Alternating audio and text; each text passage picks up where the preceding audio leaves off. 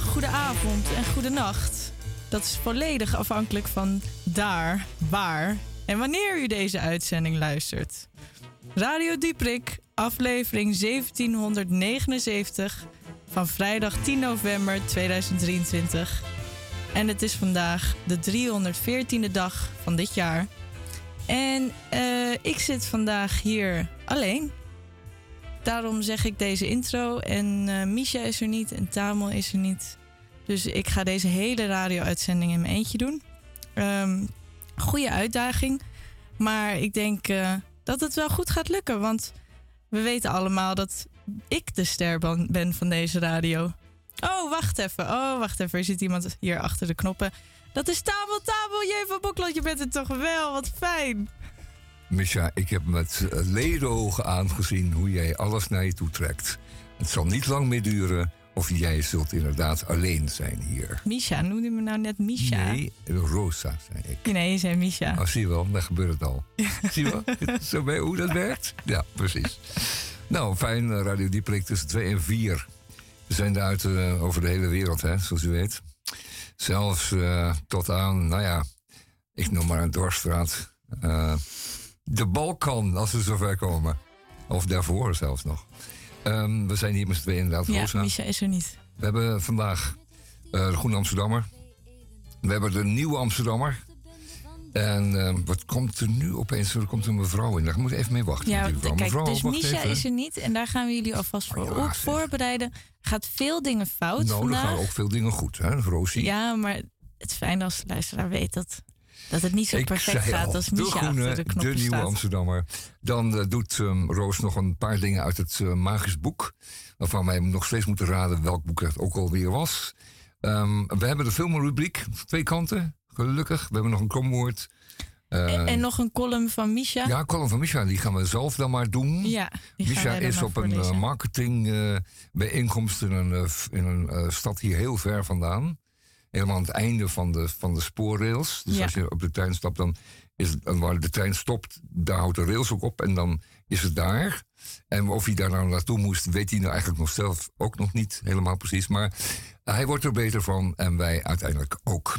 Ehm, laten we maar eerst maar even dan Bij Radio Dieperik. bij Radio Dieperik. Eerst maar even dit.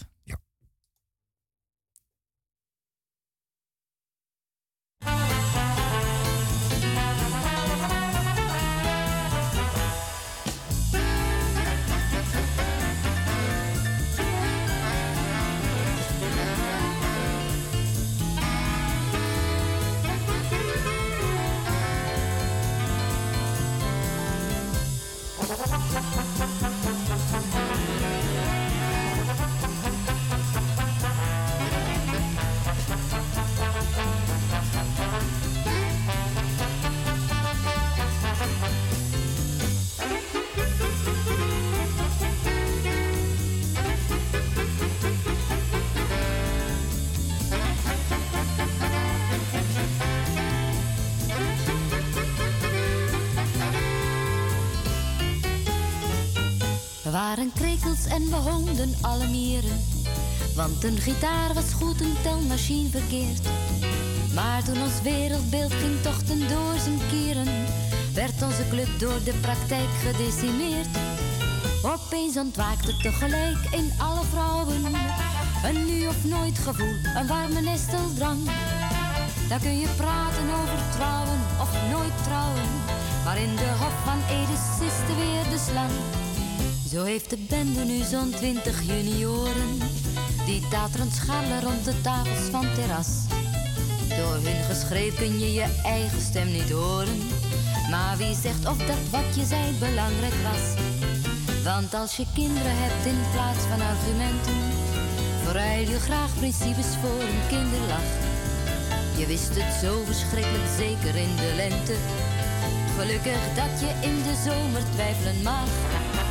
Gelukkig dat je in de zomer twijfelen mag. Gelukkig dat je in de zomer twijfelen mag.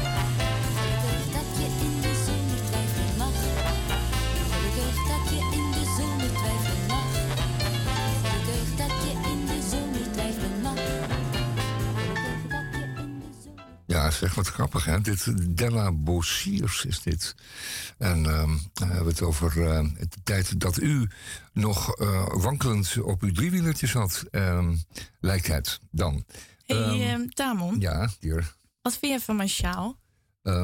Ik, mm, dan, het, het ziet eruit als zelf gebreien. En dan moet je zeggen, heb je de restjes opgebreien? En dan moet je zeggen, nou, wat een fijne steek. En niet helemaal zo verknoopt. Dan begint het van zo'n zo'n eng knoopje met nou een lekker losse naald. Nou, je En, bent ehm, zo gemeen. Ja, Ik heb hier een week over gedaan. ze heeft er een make-up. Heel trots. Ja, Dat is toch best wel knap. De eerste, mijn eerste sjaal. jazeker. Je bent heel kritisch. Ja, nou. En het ehm, is heeft wel iets al, grappigs toch zo? Jawel, zeker. Want ik had inderdaad restjes wol. Zo, Je hebt daar wel gelijk in. De wol die Had ze je ook- hadden was Had je ook uitverkocht. twee verschillende pennen? Ik of- eigenlijk Oh. liever deze. Nee, ik had niet twee verschillende pennen. Zie je dat? Het- nee hoor, nee, nee, ik, ik zit je wel echt te plagen. Eh, het ziet er goed uit. Het Het, is- een fijne lange sjaal. Ja. Hij ziet er lekker dik uit. En in één week. Ja, en in één week. Moet je en, voorstellen hoeveel sjaals ik ga breien in mijn we houden ons aanbevolen, want dit ziet er goed uit. Het is een mooie losse Goed steek. genoeg toch voor, Ja, mooi eh, warm. Voor de eerste sjaal? Ik vind het zeer, zeer, zeer goed. Waarom was je Ja, dan net zeker. zo kritisch? Ach, een beetje plagen, Roos. Je moet, eh, we moeten een beetje maar eelt dit- op je ziel hier krijgen. zit heel veel liefde in. Dit is Radio Dieperik, hè? Dat is niet eh ja, maar hier zit heel veel luisteren liefde of in. zo. Dan verwacht ik toch wel een beetje, eh, een beetje zachtheid. Ja, zachtheid van je zaal. Ja, maar niet van je collega's. Dat zit er niet in. Ja. Wat ik zei al vandaag. krijg je het ook hebben... niet terug. Kijk. Lik op stuk heet dat. Lik op stuk Groene, Groene Amsterdammer vandaag. Groene Amsterdammer is niet, is, is, niet om te lachen. Laten we wel wezen. En De nieuwe Amsterdammer is daar beter toe in staat. Die, kan dat, die neemt het leven wat ruimer. Maar de Groene, daar lopen zeer bewuste en zeer ernstige mensen rond. En die willen per se dat de Groene een afspiegeling is van het gebeuren, wereldgebeuren in de week. Daaraan op voorafgaand. En willen ten alle tijden ehm, eh, milieupolitiek en ehm, laten we zeggen, de wat minder lichte poëzie en ehm, proza in hun wekelijkse aflevering hebben. Hè, wat? Dus wij kunnen niet anders. Ik let er even niet op. Wat Oh. zei je? Nou ja, die willen wat minder lichte proza en poëzie in Oh, ja, eh, ja, ja, ja. wekelijkse aflevering hebben. Maar En da- daarmee is het natuurlijk altijd wat, een, een wat zwaarder gerecht. Maar ja, dan neemt u er maar een kopje thee bij. Oh, de Ah, telefoon kut. gaat. Ehm, dit kan Misha zijn? zijn. Nee, dit kan, Ja, dit nou kan ja, Misha neem maar op. zijn. Neem maar op. Hoi, hoe doe je dit? Dat is gewoon een telefoon, dit hè? niet? Ouderwetse telefoon met zo'n hoorn. Hoe doe ik en een dit? touwtje. Waar moet ik op drukken? Oké, gewoon dat gedomme jagen. Doorverbinden? Ik druk gewoon op doorverbinden. Oh shit, dat was verkeerd of niet? Terug? Ja, nu ben ik Misha kwijt. Uh-oh. Ja, dit is waarom we Misha nodig hebben, jongens. Nou, niet meteen zo eh desavoueren, hè? Want ik ben er ook nog. Ja, En, eh, maar had jij dit begrepen dan? Had Ja. jij dit begrepen dan? Had je, hier, dan krijg jij hem. Ja, hij moet nog een keer bellen. Oké, nou fijn. Dan eh, gaan we eerst maar even Hij dit belt doen. straks nog een keer vast. Eh, om- oh ja, Ja, dat, kijk, daar heb dat je hem is alweer. Weet jij hoe dit... Nee, vraag maar eventjes netjes hoe je dat doet. Zo, en dan kan ik ondertussen eventjes hier aanleiden. Want we leiden de ben je luisteraars er nu, op. Misha? Juist. Oh ja? Nee, dat is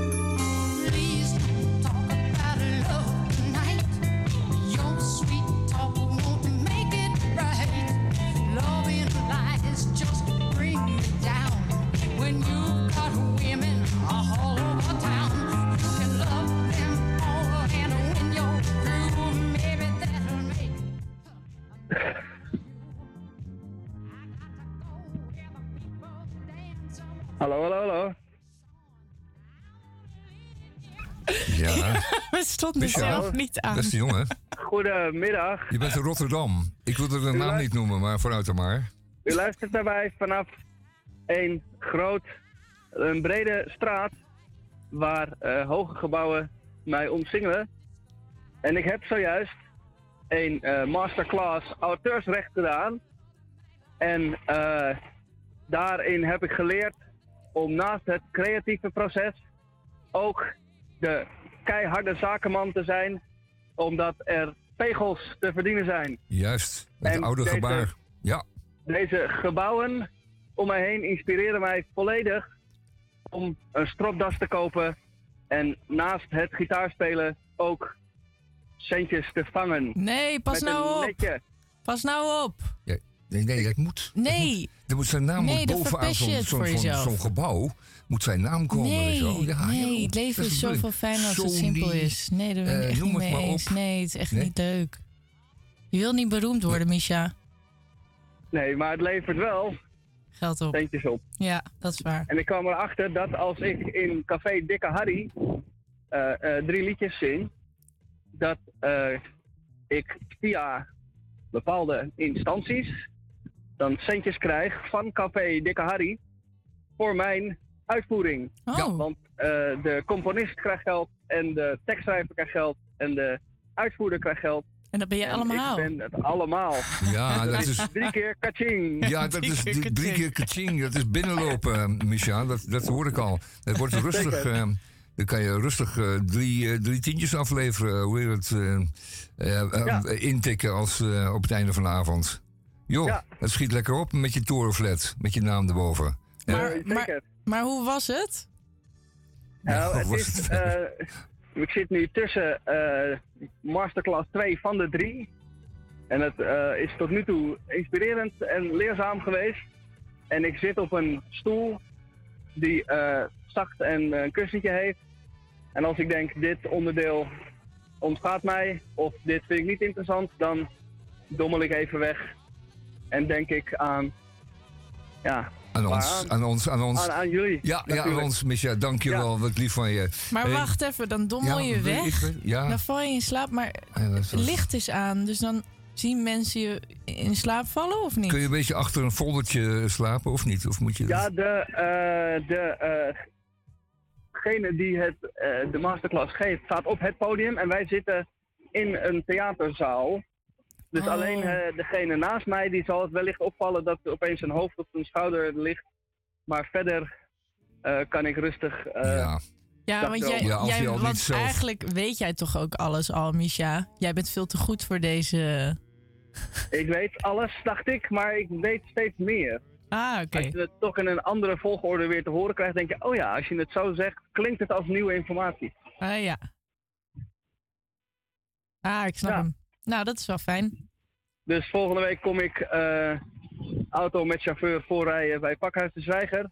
Ja. Van mijn verdiende geld. Ga je, ga je eindelijk eens een keertje krijgen wat je verdient, uh, Misha? En dat hadden we al jaren geleden gezegd. Want die jongen moet betaald worden. Het is niet alleen maar liefdewerk, oud papier hier. Het is verdorie gewoon een keiharde wereld van Peter Stuyvesant. En uh, dat moet allemaal door en door. En een Zeker. cabriolet, wat denk je? Hé, hey, um, En- Misha, ik, eh, ik zou me toch, maar gaan op, op, op, oppassen, of nee, op, opletten vanmiddag Ja, bij die ehm, conferentie, die marketingshow van jullie. En, eh, Ja. en ik hoop dat het ehm, goed uitpakt dan voor de toekomst. Want wij delen graag mee. Hè? Als het over zeker. Ik zal je nog een en- vertellen. Ja. Ja, die komen er zeker. Ja. Ehm, het is ook zo dat een uitvoering op de radio daar ook voor geldt. Hey. Dus denkt u, wat hoor ik opeens de hele tijd eh, de liedjes van Misha voorbij komen? Dan is dat puur voor eigen gewin. Ja, dat en ik snap hoop ik. dat de luisteraar heeft daar Ja. vast wel begrip voor. Ja, en dat eh, komt erop neer dat wij jou gaan betalen om jou hier met je gitaartje Wat? een nummertje te laten Wat? spelen. Ja, dat Mag is wel Moeten wij jou betalen? Ja, dan- wie moet het anders betalen? Wie, wie gaat het betalen dan? Wij toch? Wij zenden uit, dus dan kunnen wij Misha een beetje gaan afrekenen. Misha, moet je luisteren, overweeg het. Ja, Ehm, ik word bijna aangereden door een eh, vrachtwagen. Ja, dat is terecht waarschijnlijk. Oh, dat zou wel net jammer ja, zijn, want nou dan ja, is dus alles- je Net jammer zijn, ja. Gelijk Je gaat ons geld afpersen dus in ruil voor optredens. Eh, dat is Ja, helemaal mooi. Ja, Mocht ik trouwens eh, doodgereden zijn, dan Ja. was dat geen probleem, want mijn auteursrecht blijft nog 70 jaar na mijn dood nog geldig. kijk, daar kunnen we Dus dan maak mee. ik jullie mijn erfgenaam en dan kunnen jullie namens mij eh uiteten. Oh, Daar dat kunnen wij uit eten na een aantal jaren eh, een nauwgezet sparen. Nou, eh, hartstikke fijn van je, eh, Micha. En ook die kleine Ja. beetjes helpen hoor. We vinden je ook, eh, zeg maar, drie kwartjes per week vinden we je ook leuk. En, eh, Nou, dat vind ik heel lief. en we, gaan het, we gaan het voor je oplossen. Eh, ik draai voor jou Fijn. dan maar eh, Sleepy Head van de Mills Brothers. Nee, hè? dat is eigenlijk het nummer wat ik... Oh. Oh, nee, nee, dat klopt. Dat is heel toepasselijk. Jawel, ja, hè? doe maar. Sleepy Head van de Omdat Mills Brothers. steeds weg... eh, ja, omdat je zo steeds wegdommelt. wegdommelt. Een beetje, kunnen we een beetje aan je denken. afval. En je bent gek Ja. op de Mills Brothers. En je bent gek op de Mills Brothers, toch? Absoluut. Adios, eh Micha. Tot Veel volgende week. succes met de uitzending. Ja, en dank tot je. volgende week. Adios, adios, adios. Dag. Hoi.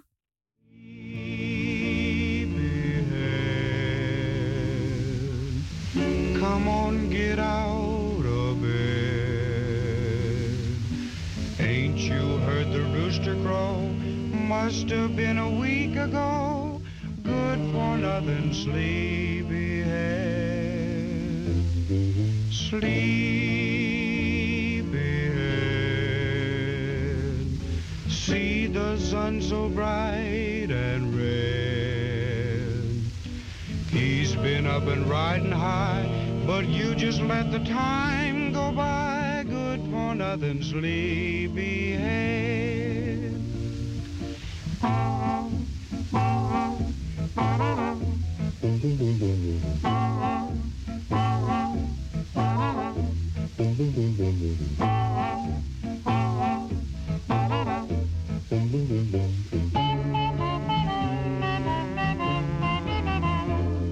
Sleepyhead,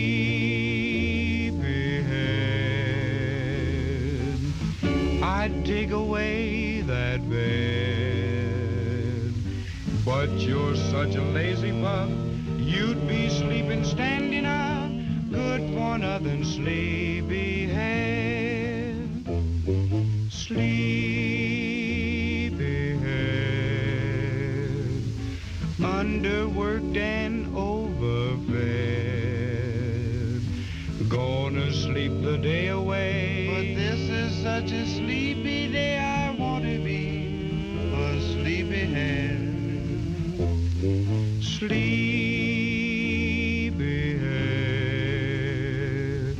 got to get you out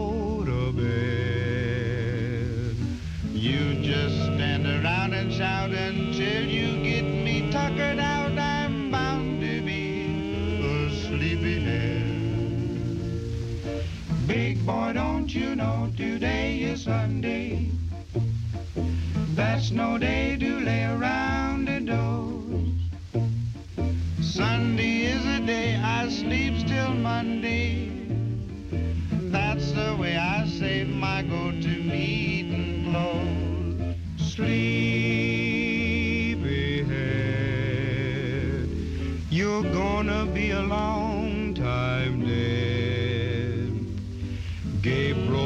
Blow his horn, but you won't hear it if it's morning. Good for nothing, sleepyhead. I heard you. Good for nothing, sleepyhead. Sleepyhead. Ehm, nu, omdat we, we al een beetje laat zijn, eh, is het het moment dat eh, de Groene Amsterdammer aan de beurt is. Eh, je bent altijd gewend om Ja- Tamon J. van Boekland eh, nu te horen. Zeg ik je achternaam goed eigenlijk? Nee, geloof ik niet. Nee, Nee. ik heet echt van, van Blokland. Blokland. Ja, Blokland, sorry. Ja, dit is allemaal de eerste keer dat ik dit doe. Ja, dat geeft niet. Meestal doet Misha dit. Beginners, hè? Nou ja, beginners mag je altijd fouten maken. Eh, daar leer je van. En Tamon, eh, ga je gang. Ja, lastig natuurlijk deze tijd van het jaar. Gisteravond was ik ehm, bij de herdenking van de Kristalnacht in de Portugese synagoge in Amsterdam. 850 mensen zaten daar in die ehm, synagoge. die prachtig verlicht, VRIek verlicht was. Alleen door kaarsen, ehm, daar is geen verwarming, daar, dien je, daar houd je je jas aan. En er was ook meer, er was wel een reden om je jas aan te houden, want het was een chilling avond. Ehm, minister Kaag was daar. Die uh, deed een voordracht, die had een lezing. Er was een verslag van, een, ehm, van iemand die ehm, in de kristalnacht al op, als, op achtjarige leeftijd te grazen was genomen. En die pas na 1945 zich weer vrij mocht voelen. Na een lange reeks door uh, nazistische orden. dat was heel aangrijpend. En er was uh, natuurlijk van de voorzitter nog een lange voordracht over hoe uh, ingewikkeld en politiek en buitengewoon lastig het nu voor de Joodse mensen in Amsterdam, Joden in Amsterdam is om alle vragen te beantwoorden. voor de Israëli's om alle vragen en alle alle opmerkingen en alle haat en nijd ook te weerstaan en om daaruit te komen. Uh, vrienden, uh, lange vriendschappen, lange kameradschappen worden doorsneden door verschillende opinies op dit gebied. Op juist het gebied van de huidige controverse CQ-oorlog die daar woedt. Um, langdurige, wat zei ik al, langdurige vriendschappen en collegiale verbanden worden doorsneden door de verschillende heftige opinies. Um, ook dus in de Groene Amsterdammer, die verhaalt daarvan. binnen de Groene Amsterdammer kunnen meerdere opvattingen gelden. Uh, deze is van Rutger van der Hoeven. En men heeft ook een stuk van Jair Wallach. Uh, um, de, is, is historicus uh, in Londen werkzaam meegenomen in het verhaal. Zo doet de Groene dat. Maar het is lastig, het is moeilijk. Het is uh, voor elke krant en elke opinieblad en zo. lekker. Met de Oekraïne was duidelijk, hè, helder. Smerige stinkrussen, nare rotte Poetin die uh, van alles en nog wat uh, aan het vermoorden is. Maar dit is zo'n ingewikkelde zaak. Um, er spelen oude, historische, koloniale gevoelens, opvattingen er spelen links en rechtse opvattingen ook, uh, vooral uh, in Israël. Um, dan heb je uiteraard over de hele wereld uh, Joodse gemeenschappen die daar ook mee geconfronteerd worden en die ook daar een standpunt in moeten hebben. Ja, en dan is zo'n beetje de linksmens ook niet vies van om ehm, zijn, ehm, zijn oordeel te geven over, dit, over deze zaken. En u zult er ongetwijfeld ook moeilijk mee hebben. En ook daar niet zo makkelijk een standpunt in nemen. Behalve als het uh, natuurlijk het gewoon een humanitaire standpunt uh, betreft. Waarbij het uitgangspunt is dat je een ander geen kwaad doet. Een andere mens, nog dier, nog boom. Uh, vooral de mens niet. En ehm, als u zich daar aan houdt, komt u er meestal uit. Maar dit zijn zo van die momenten in time en space waarbij gevoelens heftige gevoelens uh, soms de overhand kunnen geven boven de ratio, omdat er sprake is van uh, die hele merkwaardige mix van uh, schuld en boete en wraak. Ehm, en daar moet u dan zelf uitkomen. Maar laat het. Ik wens u daar veel wijsheid in. Ik kan dat zelf ook niet. Ik lees dat stuk in, uh, van, in vooral het stuk van Jair Wallach, een, uh, een kenner van de historie van het ontstaan van uh, juist Israël. En ook um, die weten er nog veel meer van. Lees dat stuk in de Groene Amsterdam, dat kan ik alleen maar zeggen. Ik ga het niet behandelen, nog uh, verklaren, nog, nog citeren, nog parafraseren. Ik ga dat gewoon niet doen. Leest u dat. Uh, het, is een, uh, het zijn zaken waar u, ja, laten we zeggen, die u als uitgangspunt moet nemen. Voor uw eigen gedachtenvorming, uw eigen meningsvorming. Het is niet anders. Het is niet anders. Um, de Groene Amsterdammer. Dan, um, wat de Groene ook altijd doet. En die um, doet dat door middel juist ook van zijn coverfoto. De neus van een varken. Wat is dat een gevoelig neusje? Dat ziet er toch echt uit als een mensenneusje, mensenhuid, zo van dichtbij. Erg grappig. De neus van de varken gaat over de, wordt genoemd de bioblamage.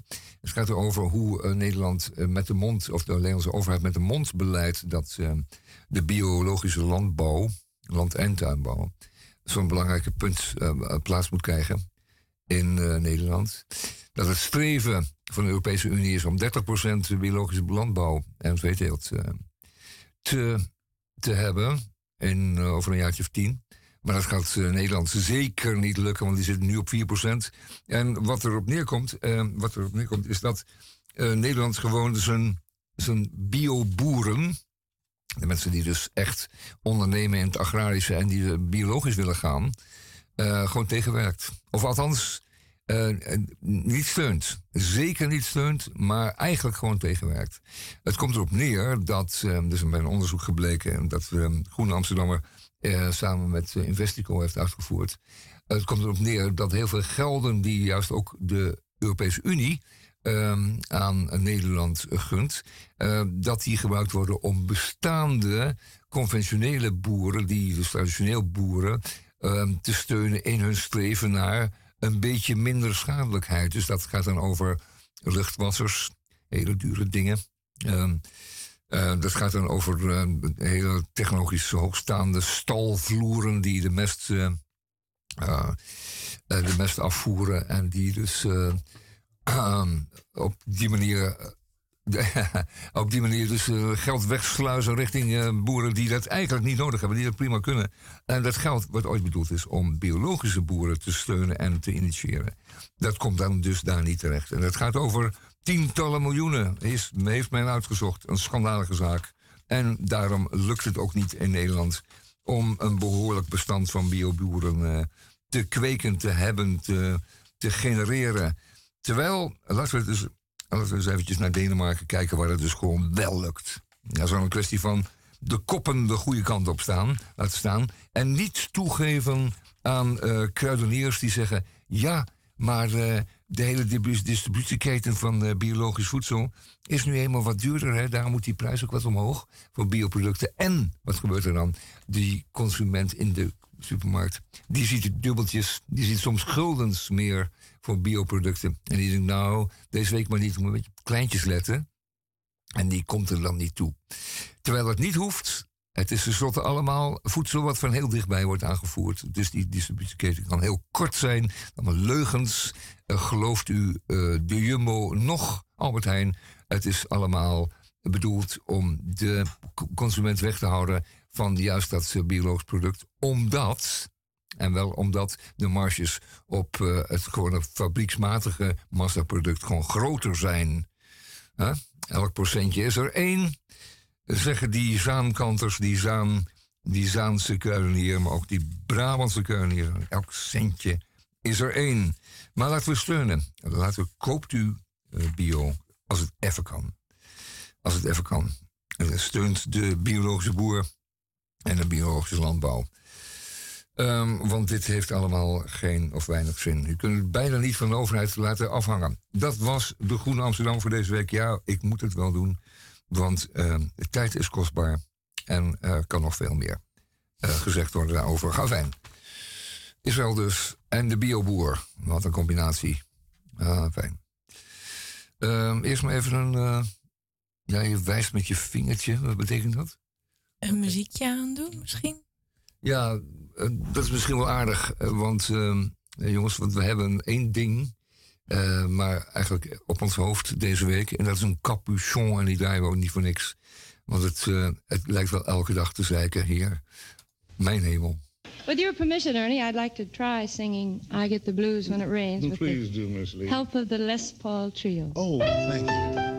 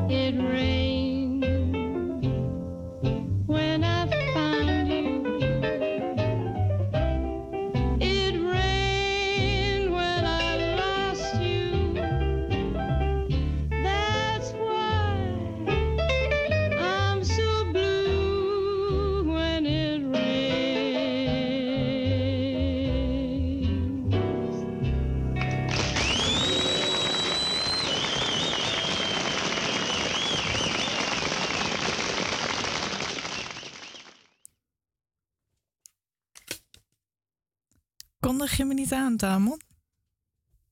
Eh, ja, als je het wil, wil ik best. En dat zei je dat je dat zou doen. Oké, oké. Nou, eh, hier voor u, fijn hè? Hier voor u, eh, Rosa. En Roos die doet voor ons deze dag de column die normaal door Misha geschreven en voorgedragen wordt. En dat doet, doet ze nu eventjes zelf. Pakt ze gewoon eventjes, schudt ze uit de mouw. Go ahead, Roos. Schud ik uit mijn mouw? Nee, dit, heeft, dit is wel belangrijk. Misha heeft dit geschreven. En ik ga het voor hem voorlezen. En het heet Duizend Gulden. Op de donderdag, donderdagavond is er in café De Krommert in de Witte, de Witte Straat pokeravond. Zoals mij vorige keer al werd medegedeeld, niet op serieus niveau.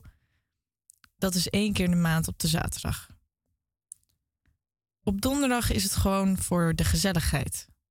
Wel voor geld overigens, maar niet te veel. 5 euro buy-in. Ook deze donderdag wil ik weer deelnemen aan de Jip en Janneke pokeravond, maar ben vanwege het voetbal kijken eigenlijk al te laat. Ik hoop nog dat er wellicht een laatste pot op het punt van beginnen staat. Maar helaas. Er is een spel bezig dat weliswaar op zijn einde loopt, maar dat einde laat waarschijnlijk nog lang en dus te lang op zich wachten. Dan maar aan de bar zitten om een biertje te drinken, alsof ik niet al genoeg bier gedronken heb vandaag. Ik raak in gesprek met de persoon naast mij. Nou ja, gesprek. Het is meer een klaagreden van zijn kant over allerhande onderwerpen die overal de schuld van zijn en waar hij op zijn beurt de dupe van is. Beetje een soort Tamon. dat, dat heeft Misha niet geschreven, dat, dat kwam nu in me op. Niet bepaald de conversatie waar ik op zit te wachten, maar ik laat het gelaten over mij heen komen. Na enige tijd, wanneer mijn bier op is en de onsamenhangende scheldkanonade iets in hevigheid is afgenomen, krijg ik en ook de boze buurman naast mij een vers getapt biertje voorgeschoteld. Deze krijgt u aangeboden van meneer daar. De barvrouw wijst naar iemand die verderop aan de bar zit. Ik hou mijn glas omhoog in zijn richting en zeg: Dank u wel, proost. Ik ben zeer verbaasd, want de beste man, die ongeveer dezelfde leeftijd heeft als ik, ken ik niet. Ik heb zelfs nog nooit met hem gesproken. Maar ik stel zijn generositeit zeer op prijs. Ik neem wat slokjes bier en vermijd ieder oogcontact met de zijkstraal naast mij, die eindelijk zijn mond houdt. Ik staar. ik staar wat naar voren en besluit maar te gaan roken in een speciaal daarvoor ingerichte ruimte. Bij binnenkomst zie ik dat de gullegever ook aanwezig is. Ik bedank hem nogmaals en we raken in gesprek. Hamid is zijn naam. Hij komt hier wel vaker om spelletjes te doen, maar vandaag niet. Dit schept, dit schept een band. Hij vraagt of ik uit Amsterdam kom en ik antwoord met te zeggen dat ik hier geboren ben. Ik vraag of hij dat ook is. Nee, ik ben in uh, Marokko geboren, maar ik ben hier wel opgegroeid in Amsterdam West zegt Hamid. Hij wijst ergens heen en ik knik alsof ik het begrijp.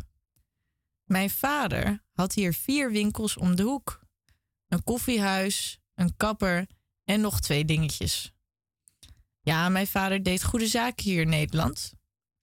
Hij kreeg hier eh, veel kansen en hij is dankbaar dat hij zo succesvol geworden is. Ook vindt hij de gulden heel mooi geld, vervolgt Hamid. Als je er zoveel van heb, begrijp ik wel dat je het mooi vindt, zeg ik bij wijze van grap. Hamid lacht en zegt dat zijn vader nog duizend gulden heeft.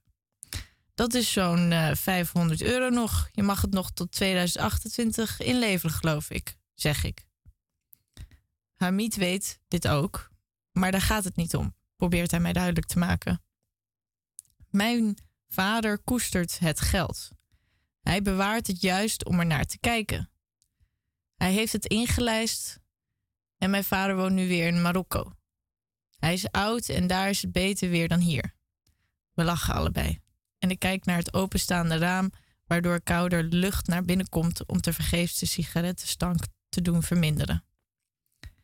Ook heeft hij tegen ons gezegd, Hamid heeft nog twee broers, dat na zijn overlijden de duizend gulden in de familie moet blijven.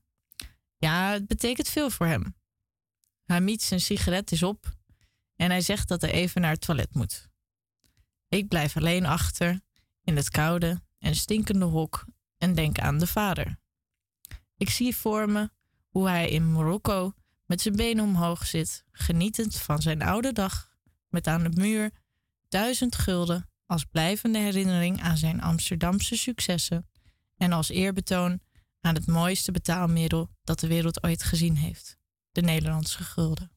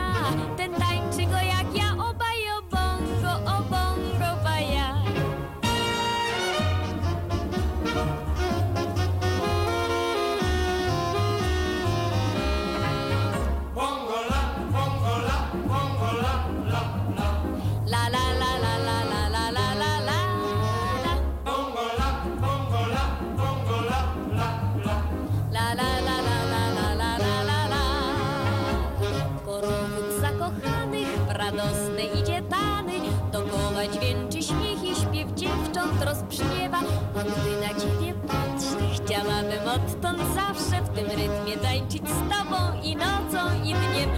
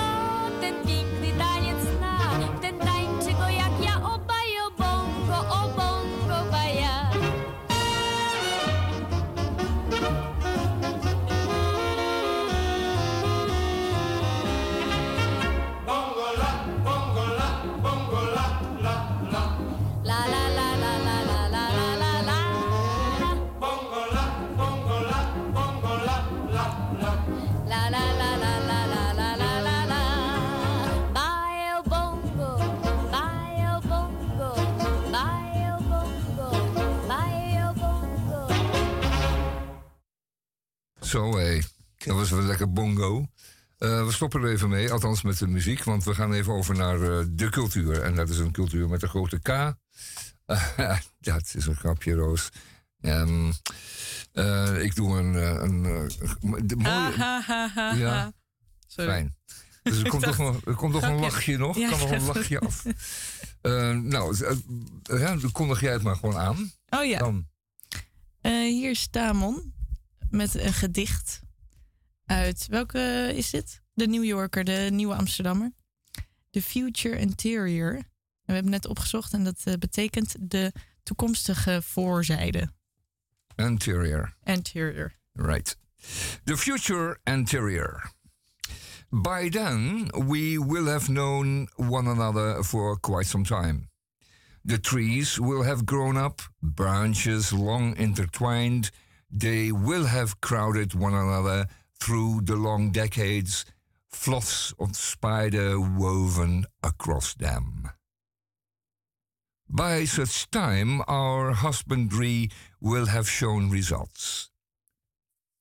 We will have grown a, gro- grown a forest. We'll have canopied the road. We will have spent so much time waiting to leave this place. We will have crowded one another.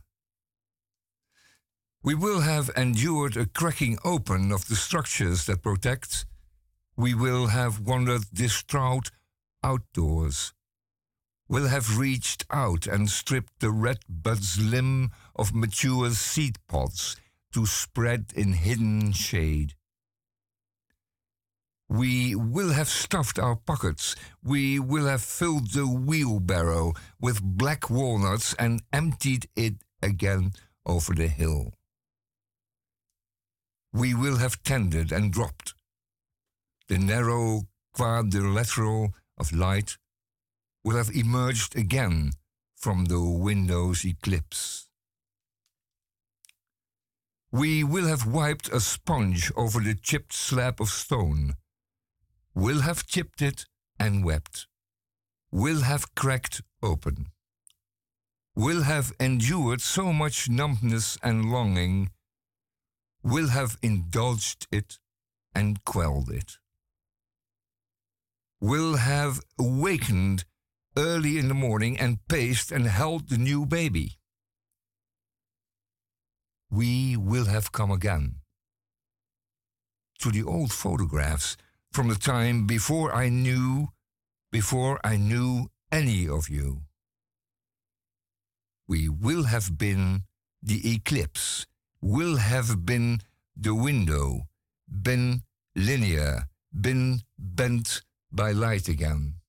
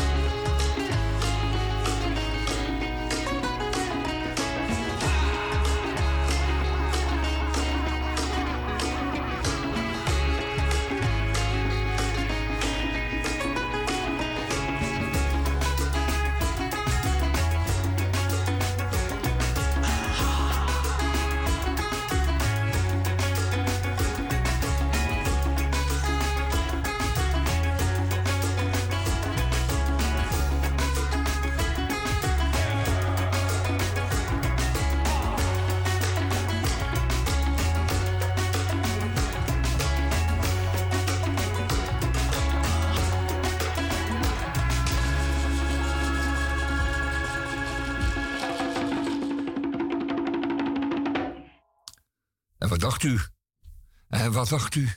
Wat dacht u? Wat dacht u? Als u, als u dit hoort, dan weet u het eigenlijk wel. Dit is... eh,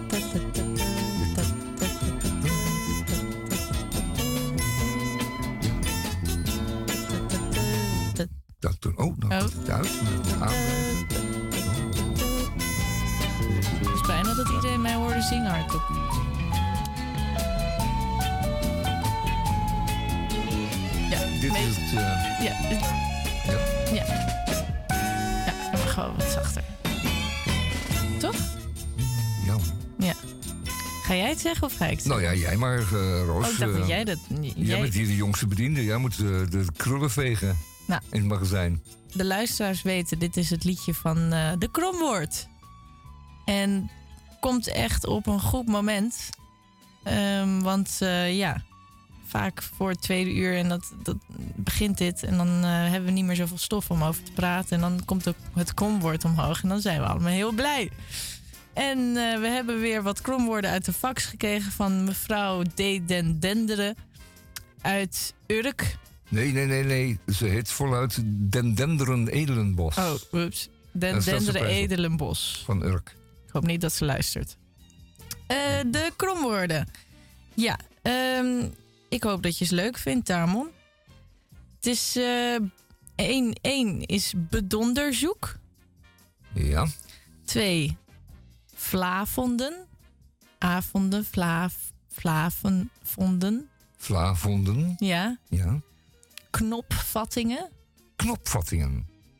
Oh, dat is wel een... Uh, eentje, ja, ja. Oké, knopvattingen. En dan snappelsap. Oh, snappelsap. Oei. Ik Die vond ik vooral heel leuk. Ja, ja, ja, maar ik nou eens voorstellen dat het... De Weet je wel, snap je? Ja, dat het de Snap? weduwe is. Appelsap, snappelsap. Ja, Ja, snappelsap. snappelsap. Oké, snappelzak. Sap. Sap. Man, En knopvattingen, die vind jij mooi, hè? Knopvattingen, En ja. bedonderzoek vond ik ook wel mooi. Ja, bedonderzoek is buitengewoon. Ja. Ja. Ja. Ja, en bedonderzoek. en-. Ja, maar bedonderzoeken. Ik heb er net eentje genoemd in de, in de Groene Amsterdammer. natuurlijk. Die doen daar heel veel onderzoeken. Daar doen ze altijd verslag van. Dat zijn onderzoeken die door, eh, vaak door Investico of door een groep eh, journalisten worden gedaan. Eh, zo bijvoorbeeld samen met de jongens van Argos. Of zij doen dat zelf binnen, binnen de Groene zelf. En zetten ze gewoon een paar jonge, jo- jonge journalisten aan. Aan zo'n klus. Maar ehm, eh, hartstikke goed. Ehm eh bedonderzoek hoeft het dan per se niet te zijn. Kijk, eh, als nu een door de overheid eh, eh, besteld onderzoek ongunstig uitpakt voor diezelfde overheid, dan willen ze nog wel eens de verkeerde conclusies trekken. Of althans te snel naar de, naar de conclusie gaan en dan zeg maar de nadelen een beetje onder laten sneeuwen en zeg maar de grote. En dat is ook een klein beetje een bedonderzoek, hè? Want je wil natuurlijk bij zo'n onderzoek die alle kanten van zo'n van zo'n zaak belichten. En eh, hier wil ik het maar bij houden. Maar er zijn onderzoeken die kun je ook echt een bedonderzoek noemen. Dat, daar zijn we echt eh, mee belazerd in het verleden. Ik geloof dat het, dat het wat strenger wordt beoordeeld tegenwoordig. Dat dat niet meer zomaar kan. Want het is wel een schandaal. Wij moeten ervan uit kunnen gaan dat de feiten genoemd in het onderzoek ook echte betrouwbare feiten zijn Ja. kostte vaak veel tijd en veel geld en veel, veel, serieus, eh, veel serieus werk van, eh, van mensen die daar echt hun hart en ziel aan geven. En dat mag niet, dat mag niet, eh, niet- worden, eh, niet worden veronachtzaamd. Dat gaat echt niet. Ja. We willen geen bedonder zoeken. We willen Bedonder. echte. Och, echt, eh, ja. Ja. Nou, Roos. Hebben we nog tijd voor ja, mijn hoor. woord? Ja, ja hoor, gang. Nou, ik ga sowieso voor snappelsap. Snappelsap, dat is eigenlijk niet echt een woord. Daar was ik al bang voor, maar goed. Ehm, de snappelsap, ja, je hebt van die woorden die kinderen verzinnen. En die, gaat dan gek, die gaan dan gek genoeg best wel lang mee. Dan, eh, wat bij snappelsap is gebeurd, dat een kindje die krijgt appelsap van eh, zijn moeder. En eh, de, het kindje legt uit over wat er iets is gebeurd op school. Eh, en die zegt tegen mama, eh, ah, snap je dat? En toen, precies op dat moment, kreeg, ze, kreeg dat kindje appelsap van zijn moeder. En toen zei hij niet, snap je dat? Maar zei hij, snappelsap. En snappelsap is daardoor een ding geworden. Want een ander kindje die daarbij was, die hoorde dat ook. En ehm, dus, dus als, als kinderen op een gegeven moment dat dan zeggen, dan gaan andere kinderen dat overnemen. En het is eigenlijk heel mooi hoe een woord ontstaat. Dat, eh, weet je wel, zo snie, sna, snappie. Of je hebt allemaal van die woorden. Ehm, ja, je hebt allemaal van die woorden wat kinderen dan overnemen. En dit was dus een woord, eh, als je aan iemand vraagt van, snap je dat? Nee, dan zeg je snappelsap. Ja, stiekem nog wel leuk. Your heart can hold. Please say. Say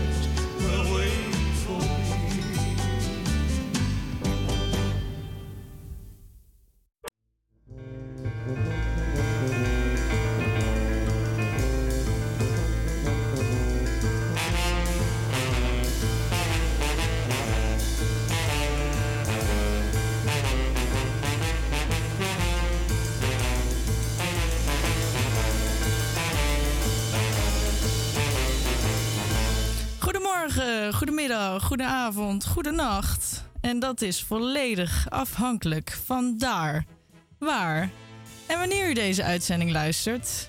Radio Dieprik, aflevering 779. 1779, wow. En het is vandaag vrijdag 10 november 2023. En dit is weer de tweede keer dat ik deze intro mag doen. En ik geloof dat het best wel goed gaat. Dit is ook de eerste keer dat ik knopjes aan mag zitten. En kijk, nu doe ik de muziek wat zachter en wat harder. Ik snap niet waarom Tamel zoveel fouten maakt. Het is eigenlijk niet zo moeilijk. Het is eigenlijk best wel makkelijk. En nu ga ik ook een liedje aanzetten. Even kijken, wel een Nederlands nummer. Welk nummer was dat? Ehm, waar staat die? Het Nederlands. Oh ja, hier. Boer Bavo. Ik ga die even aanzetten. Eh, van Miel Kools heet hij. Kools, denk ik. Miel Kools. Nou, geniet ervan. Boer Bavo bebouwde plichtelijk zijn land. Hij betaalde belasting aan het vaderland. Hij ging elke zondag naar de mis. Hij was op elke begrafenis. Hij zetelde in de gemeenteraad. Hij gold als een toonbeeld van orde en maat. Hij zorgde voorbeeldig voor zijn gezin. Hij sprak vol lof over zijn boerin. In zeden en zaken zo solide. Een tweede boer Bavo was er niet. Maar Bavo kneep de katjes in het donker. Hij kneep de katjes bij nacht. Hij kneep ze bij nevel, bij sterren geflonker. Hij kneep ze, maar kneep ze zacht. En was er eens eentje dat weende of riep, geen mens die het hoorde of zag. Boer Bavo kneep katjes in het geniep en ploegde zijn veld bij dag. Boer Bavo was lid van de kerkfabriek. Hij zorgde voor kaarslicht en voor muziek. Hij droeg een fakkel in elke stoet. Hij heeft elke vastentijd geboet. Hij was een voorman, een ijveraar. Hij ijverde vurig het ganse jaar. Hij heeft zich stug elk plezier ontzegd. Het hoofd rechtop en de blik onthecht. Boer Bavo was waarlijk zeer solid. Een boer zoals men er zelden ziet. Maar Bavo kneep de katjes in het donker. Hij kneep de katjes bij nacht. Hij kneep ze bij nevel, bij sterren geflonker. Hij kneep ze, maar kneep ze zacht. En was er eens eentje dat weende of riep, geen mens die het hoorde of zag. Boer Bavo kneep katjes in het geniep en ploegde zijn veld bij dag. De eeuwigheid piepte op een kier. Boer Bavo werd vreedzame rentenier in een herenhuis dicht bij de kerk. Van waar hij de plek zag voor zijn zerk. Het werd een lijkmis vol pracht en praal. De katjes waren er allemaal. Ze luisterden stilletjes naar het sermoen. Ze weenden, maar konden er niets aan doen. Ze hadden om Bavo zo'n verdriet. Hij was zo zacht en toch zo solid. Want Bavo kneep de katjes in het donker. Hij kneep de katjes bij nacht. Hij kneep ze bij nevel, bij sterren geflonker. Hij kneep ze, maar kneep ze zacht. De katjes kochten een grote tuil en knikten uit alle macht. Toen de schepen zei bij het open kuil, Bavo ijverde dag en nacht. Aardig hè, dit. Ja, heel Ehm, aardig. Roos, eh, er is nog eh, ITVA dit weekend. Oh ja. Ehm, in, de, in Carré zullen de ITVA Kings eh, worden gedraaid voor een grote zaal, groot scherm. Ehm, dat zijn dan als het ware de winnaars van de competitie. Ehm, dat is niet voor iedereen weggelegd. Een beperkt aantal kaarten van. Die was al snel uitverkocht, die hele carré. Ik geloof wel drie keer of zo. Dat is echt de highlight van de carré altijd. Maar er zijn door de week, deze week en de vorige week... eh, in alle bioscopen in Amsterdam allemaal films gedraaid. In de middag en de avond en de morgen. eh, allemaal iets van documentaires. En ik heb er één van gezien. Afgelopen dinsdag in een piepklein theatertje in het eh, voormalige filmmuseum op het, eh, in het Vondelpark. Eh, dat wordt eh, omgebouwd tot ITVA Theater. Daar komen meer goede zalen waar ze veel kunnen doen, maar ze zijn nog volop aan het verbouwen. Maar eentje ervan was al klaar, dat is een kleine zaaltje. En daar heb ik gezien Alone, Alone, Alone van mevrouw Bing, een Chinese filmmaker. Eh, mevrouw, Bing, eh, Bing is de bergen ingetrokken van Noord-China. En eh, nu weet u wel dat eh, China een, meer dan een miljard mensen herbergt. Maar eh, 800, daar, 800 miljoen daarvan wonen nog steeds op het Chinese platteland. En ettelijke miljoenen daarvan wonen in zeer eenvoudige, om niet te zeggen kommervolle omstandigheden. Dat is een feit wat eh, al eh, voortduurt sinds eh, de steentijd. Er is niet veel veranderd. Helaas, als ik dat zo aanzie. Ik heb anderhalf uur eh, zitten geboeid zitten kijken naar een piepklein gezinnetje. dat daar in een bergdorpje woont. In een kommetje tussen de bergen op 3000 meter hoogte. Daar waar het altijd koud is, altijd waait, altijd, altijd een damp hangt. En, altijd tussen de wolken verkeerd is. Het regent het er niet, dan is het er wel gewoon damp. Zij wonen daar in lemen huisjes bedekt met gras. Je kunt je niet voorstellen, het is bijna een Afrikaanse steppe, maar dan in de nare, nare nattigheid. Het loopt daar rond van kinderen en van varkens, geiten en schapen, honden en katten. ehm, en de mensen hebben een zeer, zeer eenvoudig bestaan. Onvoorstelbaar voor onze begrippen. Ehm, als je dat ziet, zeker als je dat afzet tegen de eh, hoge snelheidstreinen die in het zuiden van eh, China heen en weer knallen tussen grote megalomane steden waar honderden miljoenen mensen ook zijn opgehokt. Ehm, dat contrast is werkelijk eh, gigantisch. Ik heb anderhalve uur zitten kijken naar eh, vier scheidende varkens. die daar zo'n beetje in die modder en tussen die, tussen die stenen en die rotsen eh, daar rondscharrelen. ehm, naar een gezinnetje van een drietal kinderen.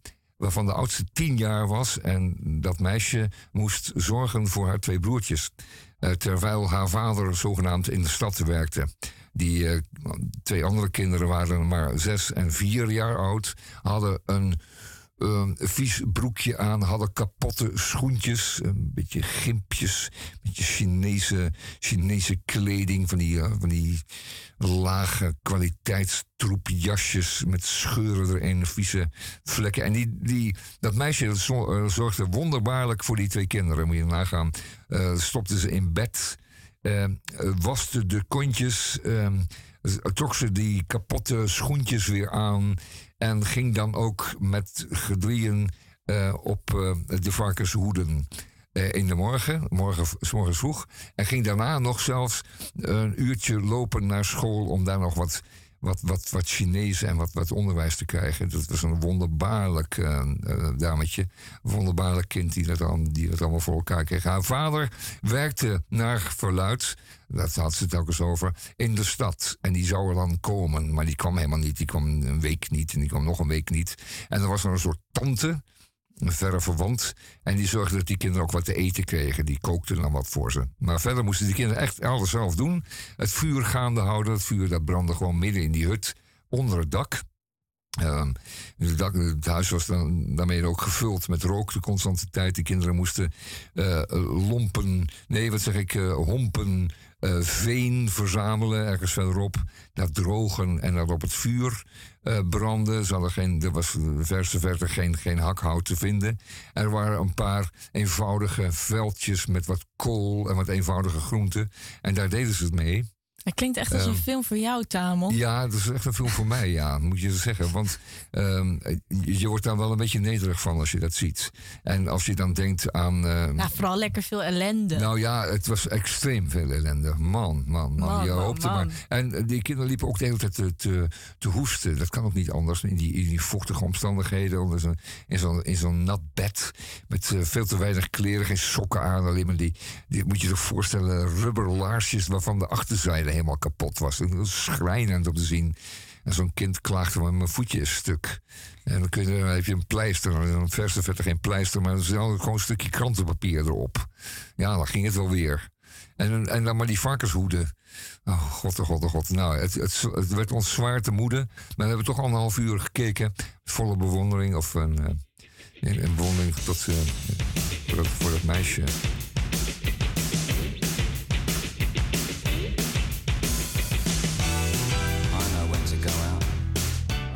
Pa die werkte dan in de stad. Ten laatste, ten laatste. En er werd nog even laten zien, want dat was heel erg goed van de filmmaker. Die, die voorzag niets van commentaar. Die filmde alleen maar, die zat er bovenop. En dat is ze echt heel erg goed. En daarom was het ook een buitengewone documentaire. Pa die werkte in de stad. En wat deed pa? Die eh, werkte in een hele vieze fabriek.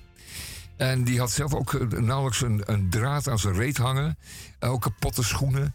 En die hield dan, dat was zijn werkzaamheid, ehm, die hield er een zak onder een pijp die uit een muur kwam. En uit die pijp kwam drap, kwamen drabbige brokken. Vochtige, bruine eh, brokken. Daar hield hij die zak onder tot die zak vol was. Dan tilde hij die zak op, die ogenschijnlijk heel zwaar was.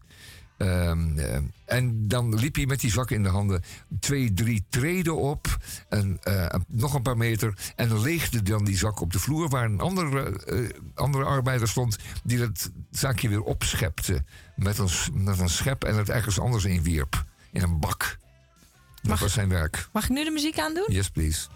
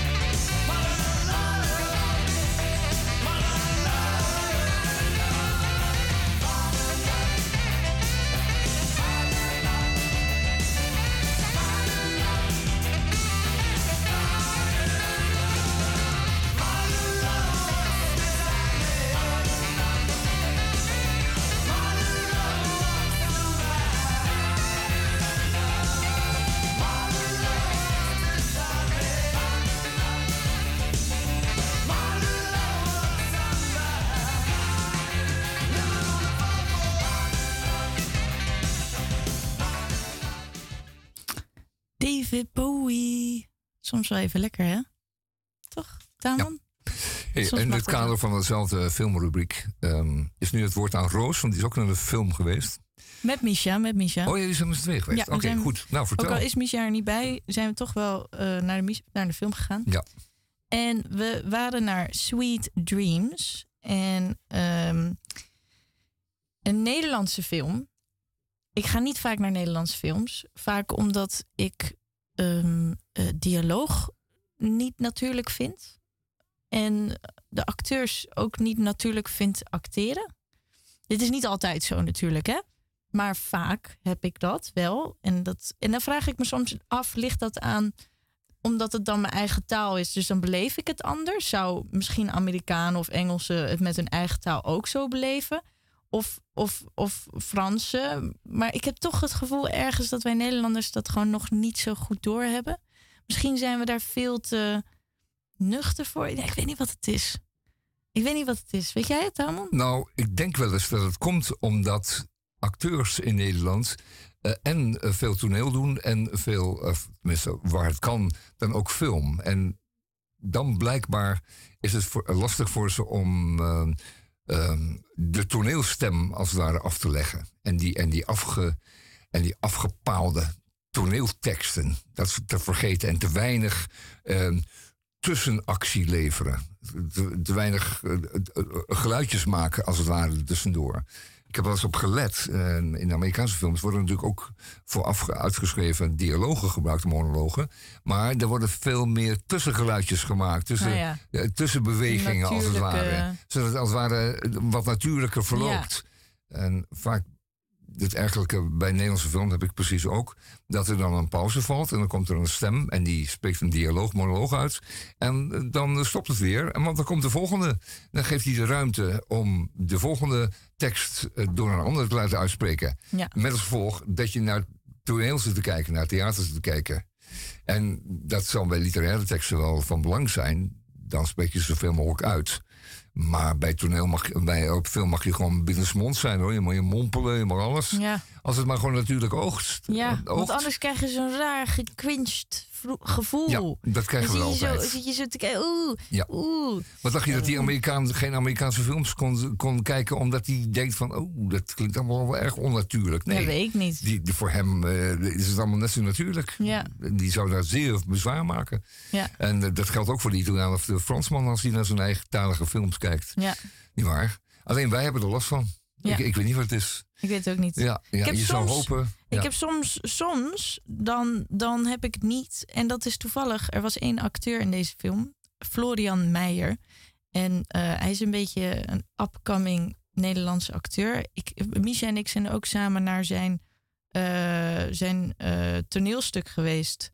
Brideshead Revisited. En dat ging over zijn lievelingsboek. En daar hadden ze ook een review over, namelijk dat hij on-Nederlands goed is.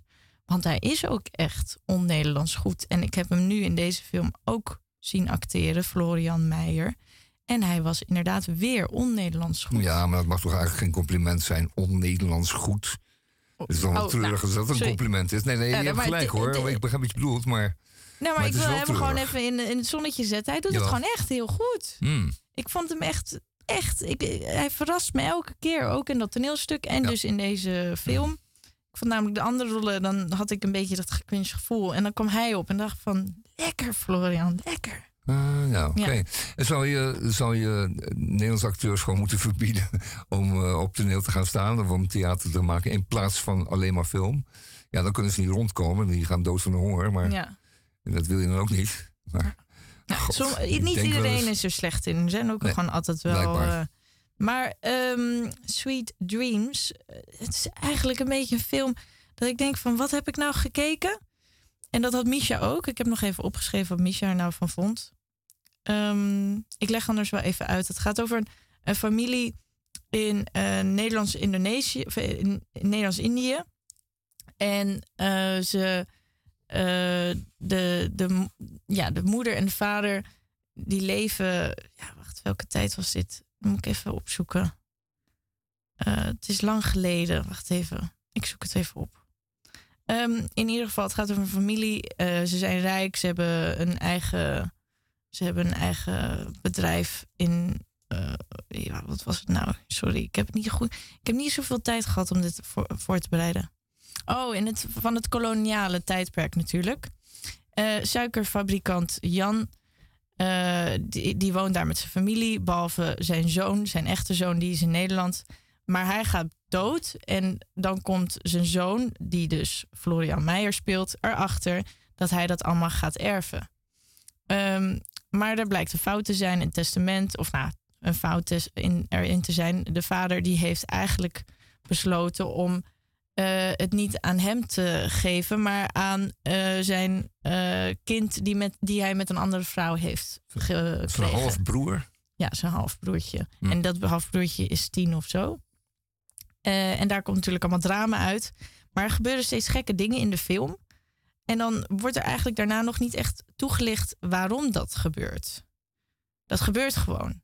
En dan denk je, maar waarom gebeurt dat dan? En dan wordt dat eigenlijk een beetje weer vergeten. En dan gebeurt er weer, weer iets geks. En dan wordt dat, dat zei dus Misha ook. Er gebeurt van alles. Het is een hele interessante film. Maar het was moeilijk om te, te, be- te begrijpen wat de film nou wou zeggen. Of, of überhaupt eh, de vraag, wilde überhaupt de film iets zeggen? Of was het gewoon een paar rare gebeurtenissen achter elkaar? We konden samen niet erachter komen wat nou de, de clue was. Of de, de. Ja, wat, wat was nou? Ja, we begrepen het niet. Het was wel heel mooi gefilmd. On-Nederlands mooi gefilmd.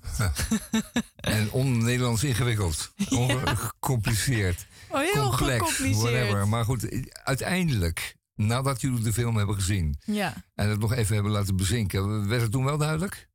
Nee. Ik toch achteraf eens een beetje Ook niet analyseerde. zo. Zo van, Misha dacht dus dat een scène een droom was. Ik dacht dus dat dat haar dood was. Dus we begrepen, we hadden ook allebei verkeerd, ver- andere. maar was het eh, opzet dat, dat er herinneringen en flashbacks en... Ja, dat viel eigenlijk ook best wel mee. Dat er hoeveel flashbacks waren. Er waren gewoon veel gekke gebeurtenissen die je, die, die je niet echt kon verklaren. Eh, Waarom een beetje, een beetje magisch in de, in de zin van... Niet per se magisch. Er is meer tussen hemel en aarde. en dat, vooral in dat nee dit is toevallig het einde Nee? waar ik het over heb. Nee, het is niet echt magisch. Hmm. Nee, het is. Ik kan wel een voorbeeldje gebruiken. Dus die man, Jan, de, de- zeg maar die eh, man die doodgaat. Ja, ja, de waar eigenaar, de fabriekseigenaar de van de fabriekseigenaar suikerfabriek. Van de suikerfabriek. Die, eh, die gaat dood. En die, wordt, die gaat op een bepaalde manier dood. Mag ik zeggen hoe? Nou ja, eh, Ja. zoals je doodgaat. Die ja. wordt ver- vergiftigd. Ja, natuurlijk. Maar eh, we weten niet echt hoe.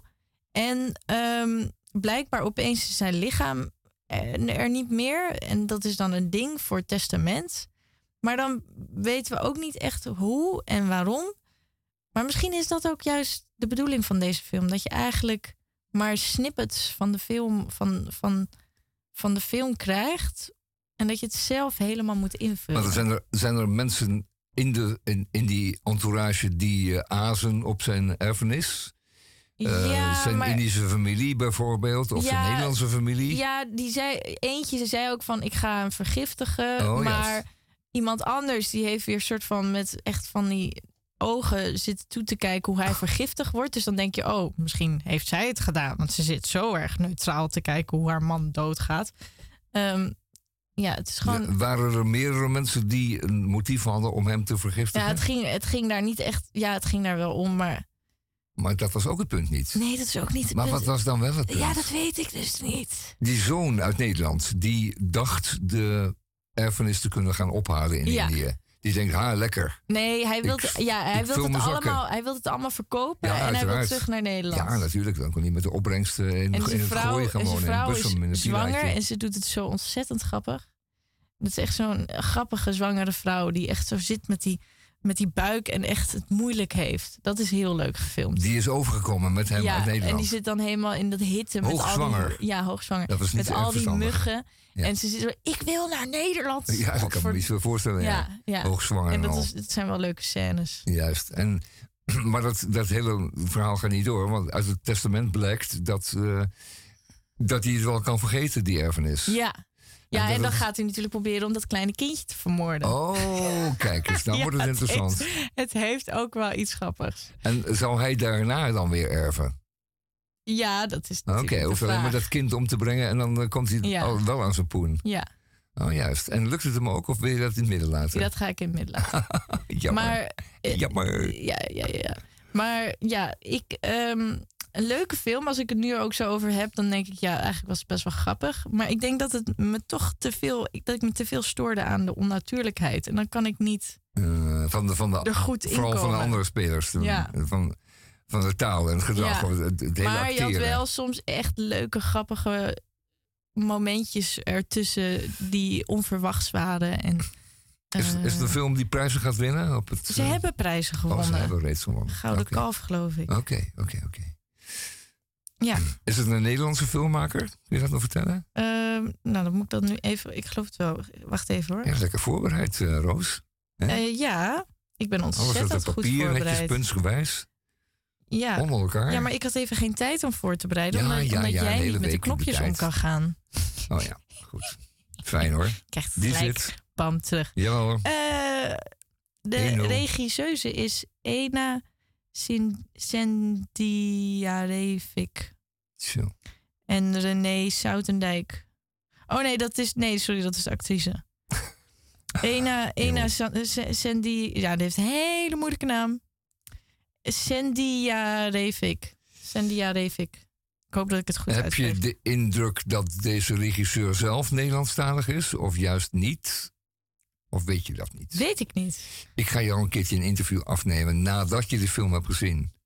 Ja, of gewoon de volgende keer moet Misha erbij zijn en die zoekt het gewoon gelijk op. Oké jongens, nou we zijn er heel wat mee opgeschoten. Ja. Moeten we naar de film toe, denk je? We- ja, misschien wel leuk Nou, om te misschien. zien. Er zijn meer Het films te helpt zien. dus- vooral dat je nu lage verwachtingen hebt. Dus dan kan de film eigenlijk alleen maar meevallen, toch? Oh, die fiets. Goed, gaan we doen.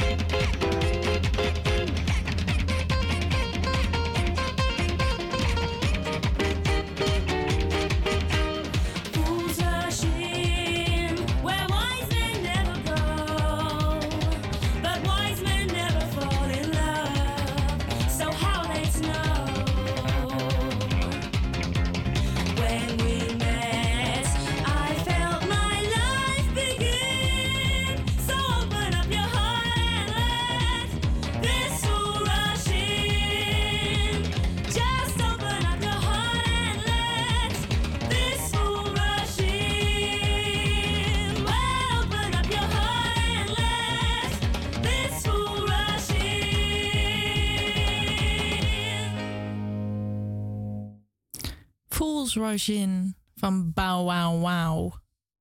Ehm, lekker nummer. Kan daar altijd wel goed op gaan. Eh, ik ga iets voorlezen en ik wil daar iets over vertellen. Namelijk dat ik vannacht een nachtmerrie had. En een, een niet zo'n leuke nachtmerrie over een vrouw die werd vermoord in een bad. En toen veranderde ze in een witte duivel. En opeens was ik die vrouw die haar had vermoord en werd ik achtervolgd. En toen was ik in mijn ouderlijk huis en toen zag ik Mila, mijn hond, die daar was overleden, of die is overleden, lag in mijn tuin. En opeens werd het donker en waaide het heel hard. En voelde ik een hele kille eh, wind in me. En, en toen rende ik naar boven en rende ik... Mam, mam, we moeten nu weg. Er komt een vrouw achter ons aan, een witte duivel. En, en ze reageerde niet. En toen zat ik in de badkamer en toen wachtte ik maar tot de duisternis mij greep. En toen werd ik wakker en toen dacht ik... Oh, dit is zo'n verschrikkelijk gevoel dat je opeens... Dan kan je in de, in de nacht soms zo kwetsbaar zijn en voor alles bang zijn. En, en dat is zo gek hoe je s'nachts dan niet meer rationeel kan nadenken. En dan ga ik maar eventjes naar beneden, even wat thee maken. En dan probeer ik heel eventjes over andere dingen te denken. Eh, of een boek te lezen. En ik eh, pakte dit boek. En het grappige was, dat is soms zo mooi aan toeval. Ehm, de hoofdpersoon Frits, die ging precies door hetzelfde heen als ik. En dat ga ik even voorlezen. Hij werd om drie uur wakker, met een zwaar gevoel over het lichaam en een sterke aandrang om te wateren. Na zijn behoefte te hebben verricht, sliep hij bij het op elkaar wrijven van zijn voeten in. Hij droomde dat hij zich op de eerste verdieping van een groot warenhuis bevond. Terwijl hij er ronddwaalde, kreeg hij een steeds sterker wordende behoefte om te wateren. Hij begaf zich naar het toilet. Maar daar waren werklieden bezig met metselwerk. Op de benedenverdieping was de waterplaats versperd door een betimmering van planken met het opschrift defect. Hij nam de lift naar de tweede etage. Hier werd hij voor de retirade tegengehouden door een in het wit geklede winkeljuffrouw die zei: U kunt hiervan geen gebruik maken. U, u moet ingeschreven staan. Op de derde verdieping kon hij in het geheel geen toilet vinden. Hij draafde de trap op naar de vierde, de hoogste etage en holde naar een hoek van de zaal, maar hier hing op een grijze deur een groen vierkant bord met de woorden nooduitgang. Mag alleen bij alarm geopend worden, onnodige verbreking van het zegel wordt gestraft. Onder het bord was het woord heren met een diagonale baan verf doorgehaald. Toen hij zich weer snel naar beneden begaf, riepen de luidsprekers opeens: De zaak is gesloten. Publiek dat nog binnen is, moet zich bij de directie melden en boete betalen. De verdieping was verlaten en alleen leden van het personeel liepen nog rond. Hij stond in de afdeling woninginrichting bij een tafel met vazen. Hij nam er een op, trad ermee achter een afschutting, waterde hem vol en zette op hem op zijn plaats terug.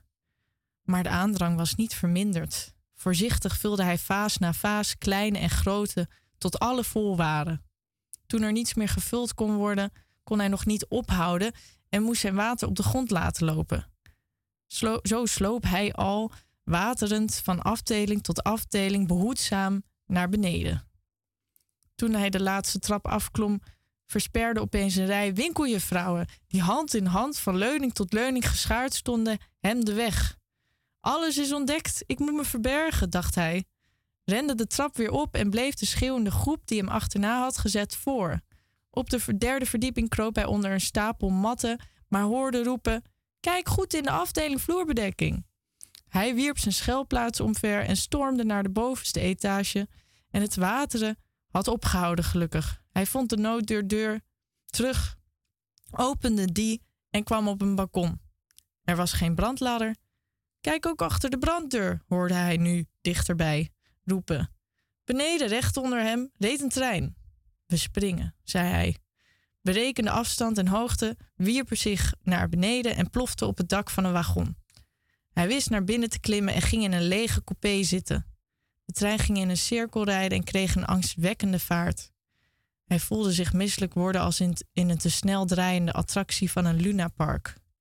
Opeens zat iemand tegenover hem, die hem doordringend aankeek en een zwarte hoed droeg, waarvan de rand zeker een halve meter breed was. Het is een hond, dacht hij.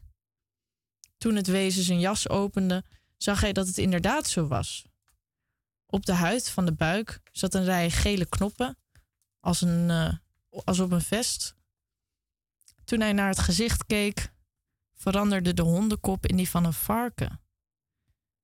Ik weet ervan, zei het monster. Ik ben op de hoogte. Probeer mij niets wijs te maken. Bij het spreken kreeg de kop een snavel. Langzaam boog de gestalte zich naar hem toe en hij werd wakker. Het was half zeven. Hij voelde opnieuw sterke neiging om te wateren, maar ging het bed niet uit. Niet weer inslapen, dacht hij. Dat in geen geval. Hij nam het kussen onder zijn hoofd weg. Ik moet mijn houding ongemakkelijk genoeg maken om wakker te blijven, zei hij bij zichzelf. Oh.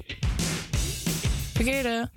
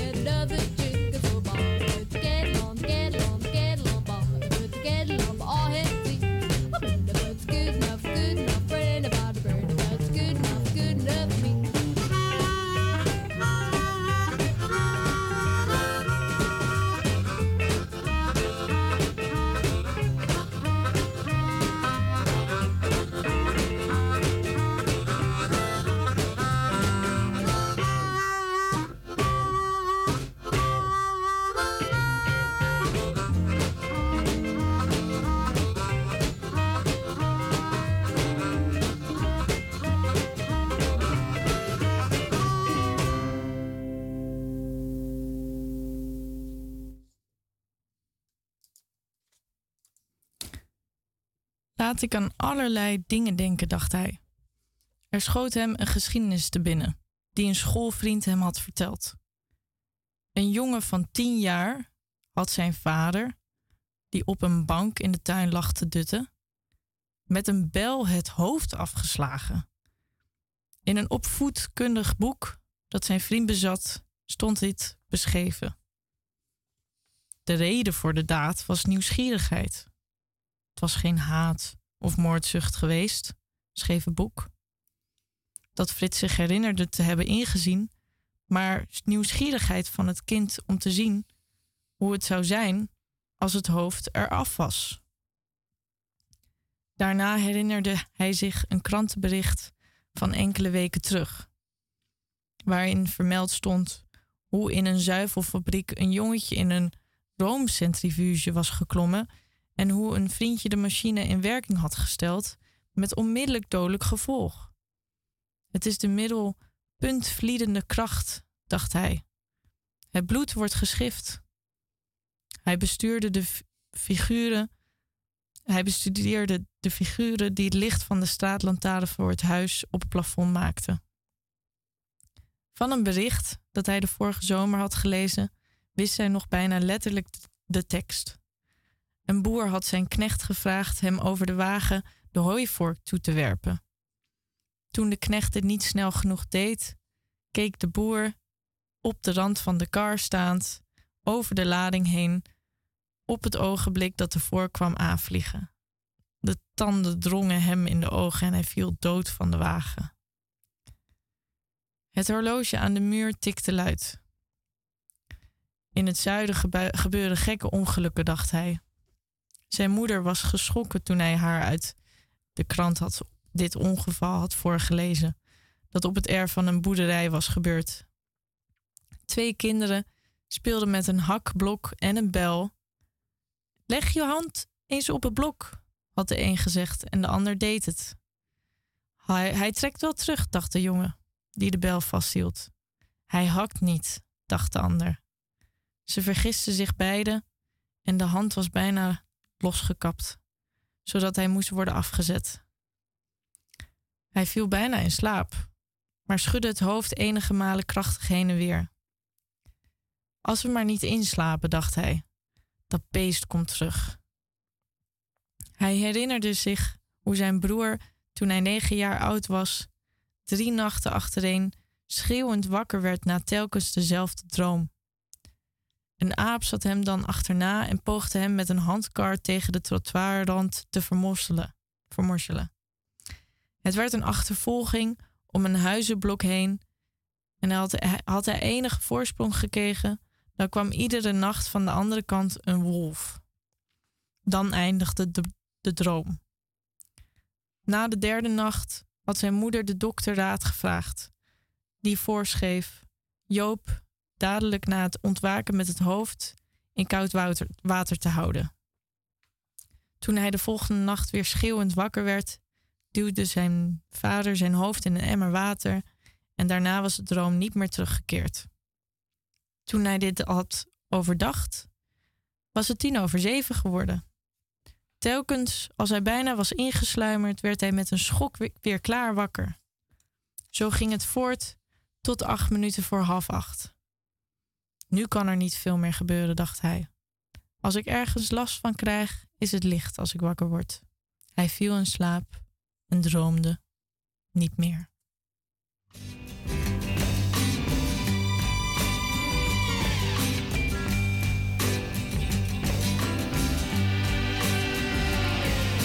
Yummy,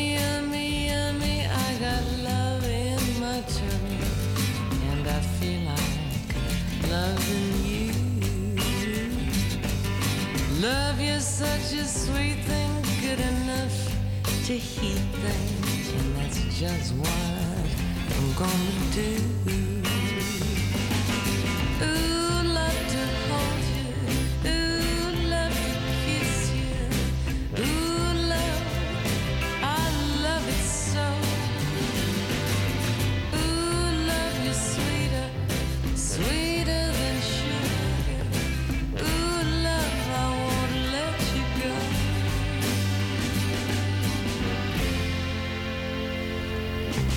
Yummy, yummy, yummy, I got love in my tummy. As silly as it may seem. The loving that you're giving is what keeps me living. Mm, and. Kinda like sugar,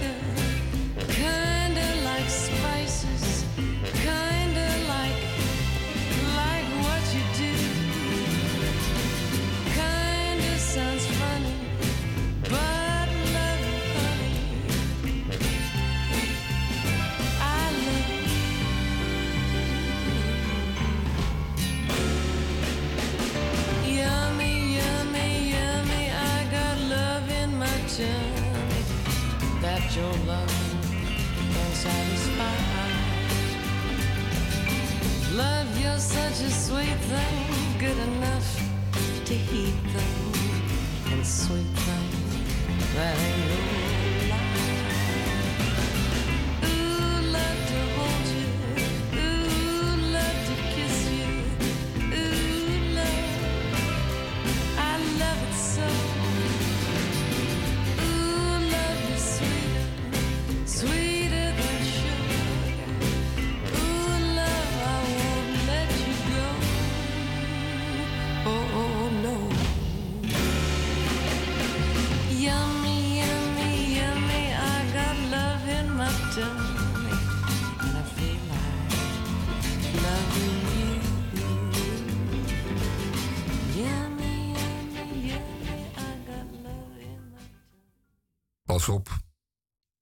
niet dat dit nu over mij gaat. Het is maar een verzinsel en geen cent waard. Een ondergrondse tunnel ben ik. De ladders van taal erheen zijn door vette muizen aangeknaagd. Ze spinnen als gezaagde planken. De enige keer dat ik erin viel, hoorde ik hoog gegiegel uit mijn buik komen. Bomvol uitdrukkingen die ik tegen jullie moet zeggen. Met vergelijkingen die in feite nergens op lijken. Met woorden waarmee jullie oren dag en nacht gevuld zullen zijn. Nacht, dag, vogel, wolk, gras, zon. Terwijl ik werk in een TL verlicht kantoor. Die ene keer piepten mijn oren genadeloos. Ik dekte ze af en rende naar de bovenste verdieping om gedichten te schrijven over de mensheid en de verschrikkingen van oorlog. Over afzondering en haar existentiële perspectief. En over de liefde, voortgetrokken in een lijkwagen. Poëzie giechelt in de tunnel. Haar ogen puilen uit haar blauwe schedel, zoals bij een schaap in een slachthuis. Mijn lome stem komt uit de tunnel. In de naam van de barmhartige, de genadevolle, nacht, dag, vogel, wolk, zon. De nekken van de woorden glimmen.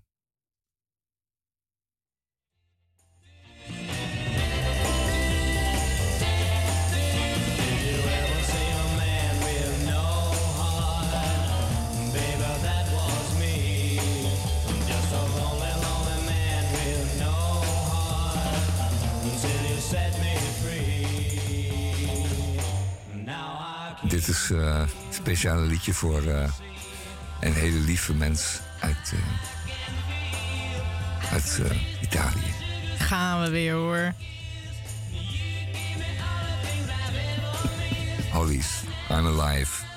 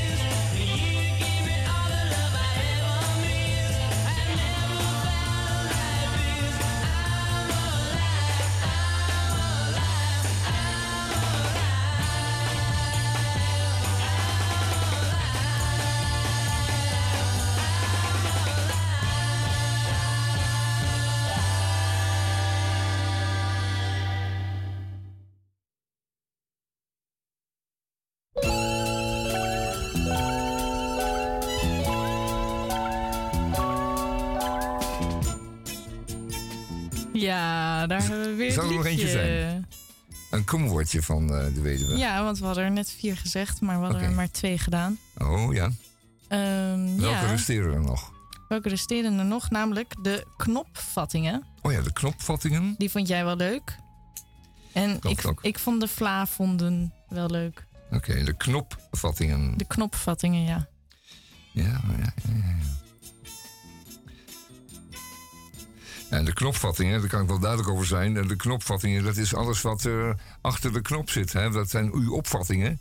En die zijn de per, met een knopje op te roepen. En we gaan steeds dichter naar eh, een wereld waarbij eh, de kunstmatige intelligentie eh, alles zal schrijven voor ons, laten, alles zal schilderen, tekenen en zal zingen voor ons. En dan is het wel beter dat we onze knopvattingen leren te ontwikkelen. Want we kunnen straks kiezen, een rij knopjes, gele knopjes, zei Van het Reven al, op een vest. En ehm, daar zitten allemaal opvattingen achter. En ehm, je ziet het ook een heel klein beetje nu bij de, de vergelijkingen van de partijprogramma's. Eh, dat zijn ook al een soort opknopvattingen. Weet je van, eh, we moeten nog op het knopje milieu duwen, want daar moet nog iets over. Buitenland, hebben we daar ook iets over? Nee, oh jee, daar moet er nog iets over komen.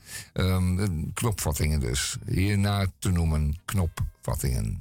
Goeie. Die is goed. Die is leuk. We merken wel, kijk, jij had knopvattingen en bedonderzoek. En ik vlaavonden en snappelsap.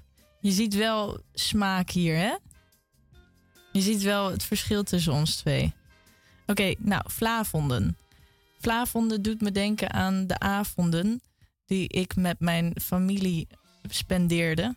Namelijk zondagavond haalde papa altijd griesmeelpudding, soort vla. En dat eh, was zo erg in ons ehm, routine eh, gekomen dat, dat we daar eigenlijk ook niet vanaf konden. Ook al kwam het ons mel uit. Als in, we wilden het gewoon eigenlijk allemaal niet meer eten. Maar omdat, dan zo, omdat dat dan traditie is geworden, hou je dat er toch in. En, en ja, en dan, en dan ga je dat maar eten. En dan voel je je een beetje altijd vla-achtig daarna. En dat noem je dan een vla-avond. En eh, ja, dat is vlaavonden. Dat zijn vlaavonden. Hoe vond je die? Redelijk. Ik herken er wel iets in hoor. Ja, toch? Ja, ik herken er wel iets in. Ik geloof dat we dat allemaal wel hebben. Dat we allemaal van die tradities hebben. En dat je eigenlijk geen zin in hebt. En dat je dan, beetje dan, dan moet je wel. Zondagavond, denk ik toch wel? Ja. Ja. ja. Nou, jongens. Deze Radio Dieprik aflevering met Tamel en mij, die is bijna voorbij. En ehm, ik vond het erg leuk achter de knoppen. Ik geloof. Ja, je hebt Ik heb wel respect voor Misha, want het is veel multitasken. Ja, Roos, maar dat, eh, dat kunnen dames beter dan heren, hè, zoals bekend. Dus Dat is eh, je mag misschien wel blijven. En dan verdwijn jij lekker achter die knopjes. Dan kunnen Micha en ik lekker eh, radio maken hier. En dan geven we tijd tijd een woest gebaar richting jou. En dan moet je iets. hey, het is tijd voor The King. Yes. Het einde van eh tweede uur Radio Dieperik. We zijn eruit over de hele wereld. You may ask me how I know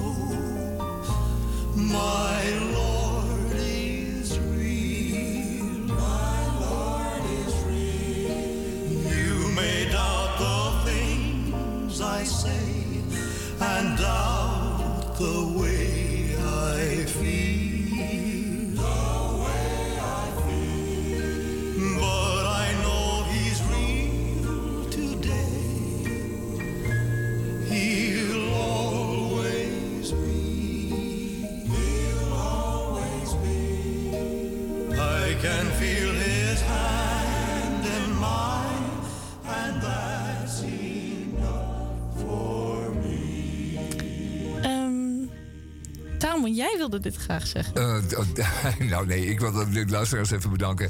En ze tot volgende week wensen. En ik hoop dat het volgende week er weer even goed uitziet. En dat die ellendige regen een beetje ophoudt. Tot volgende week. Nou, adios. Guide each step, En dan is Misha er ook weer bij, gelukkig. and if I fall, I know he'll understand. Till the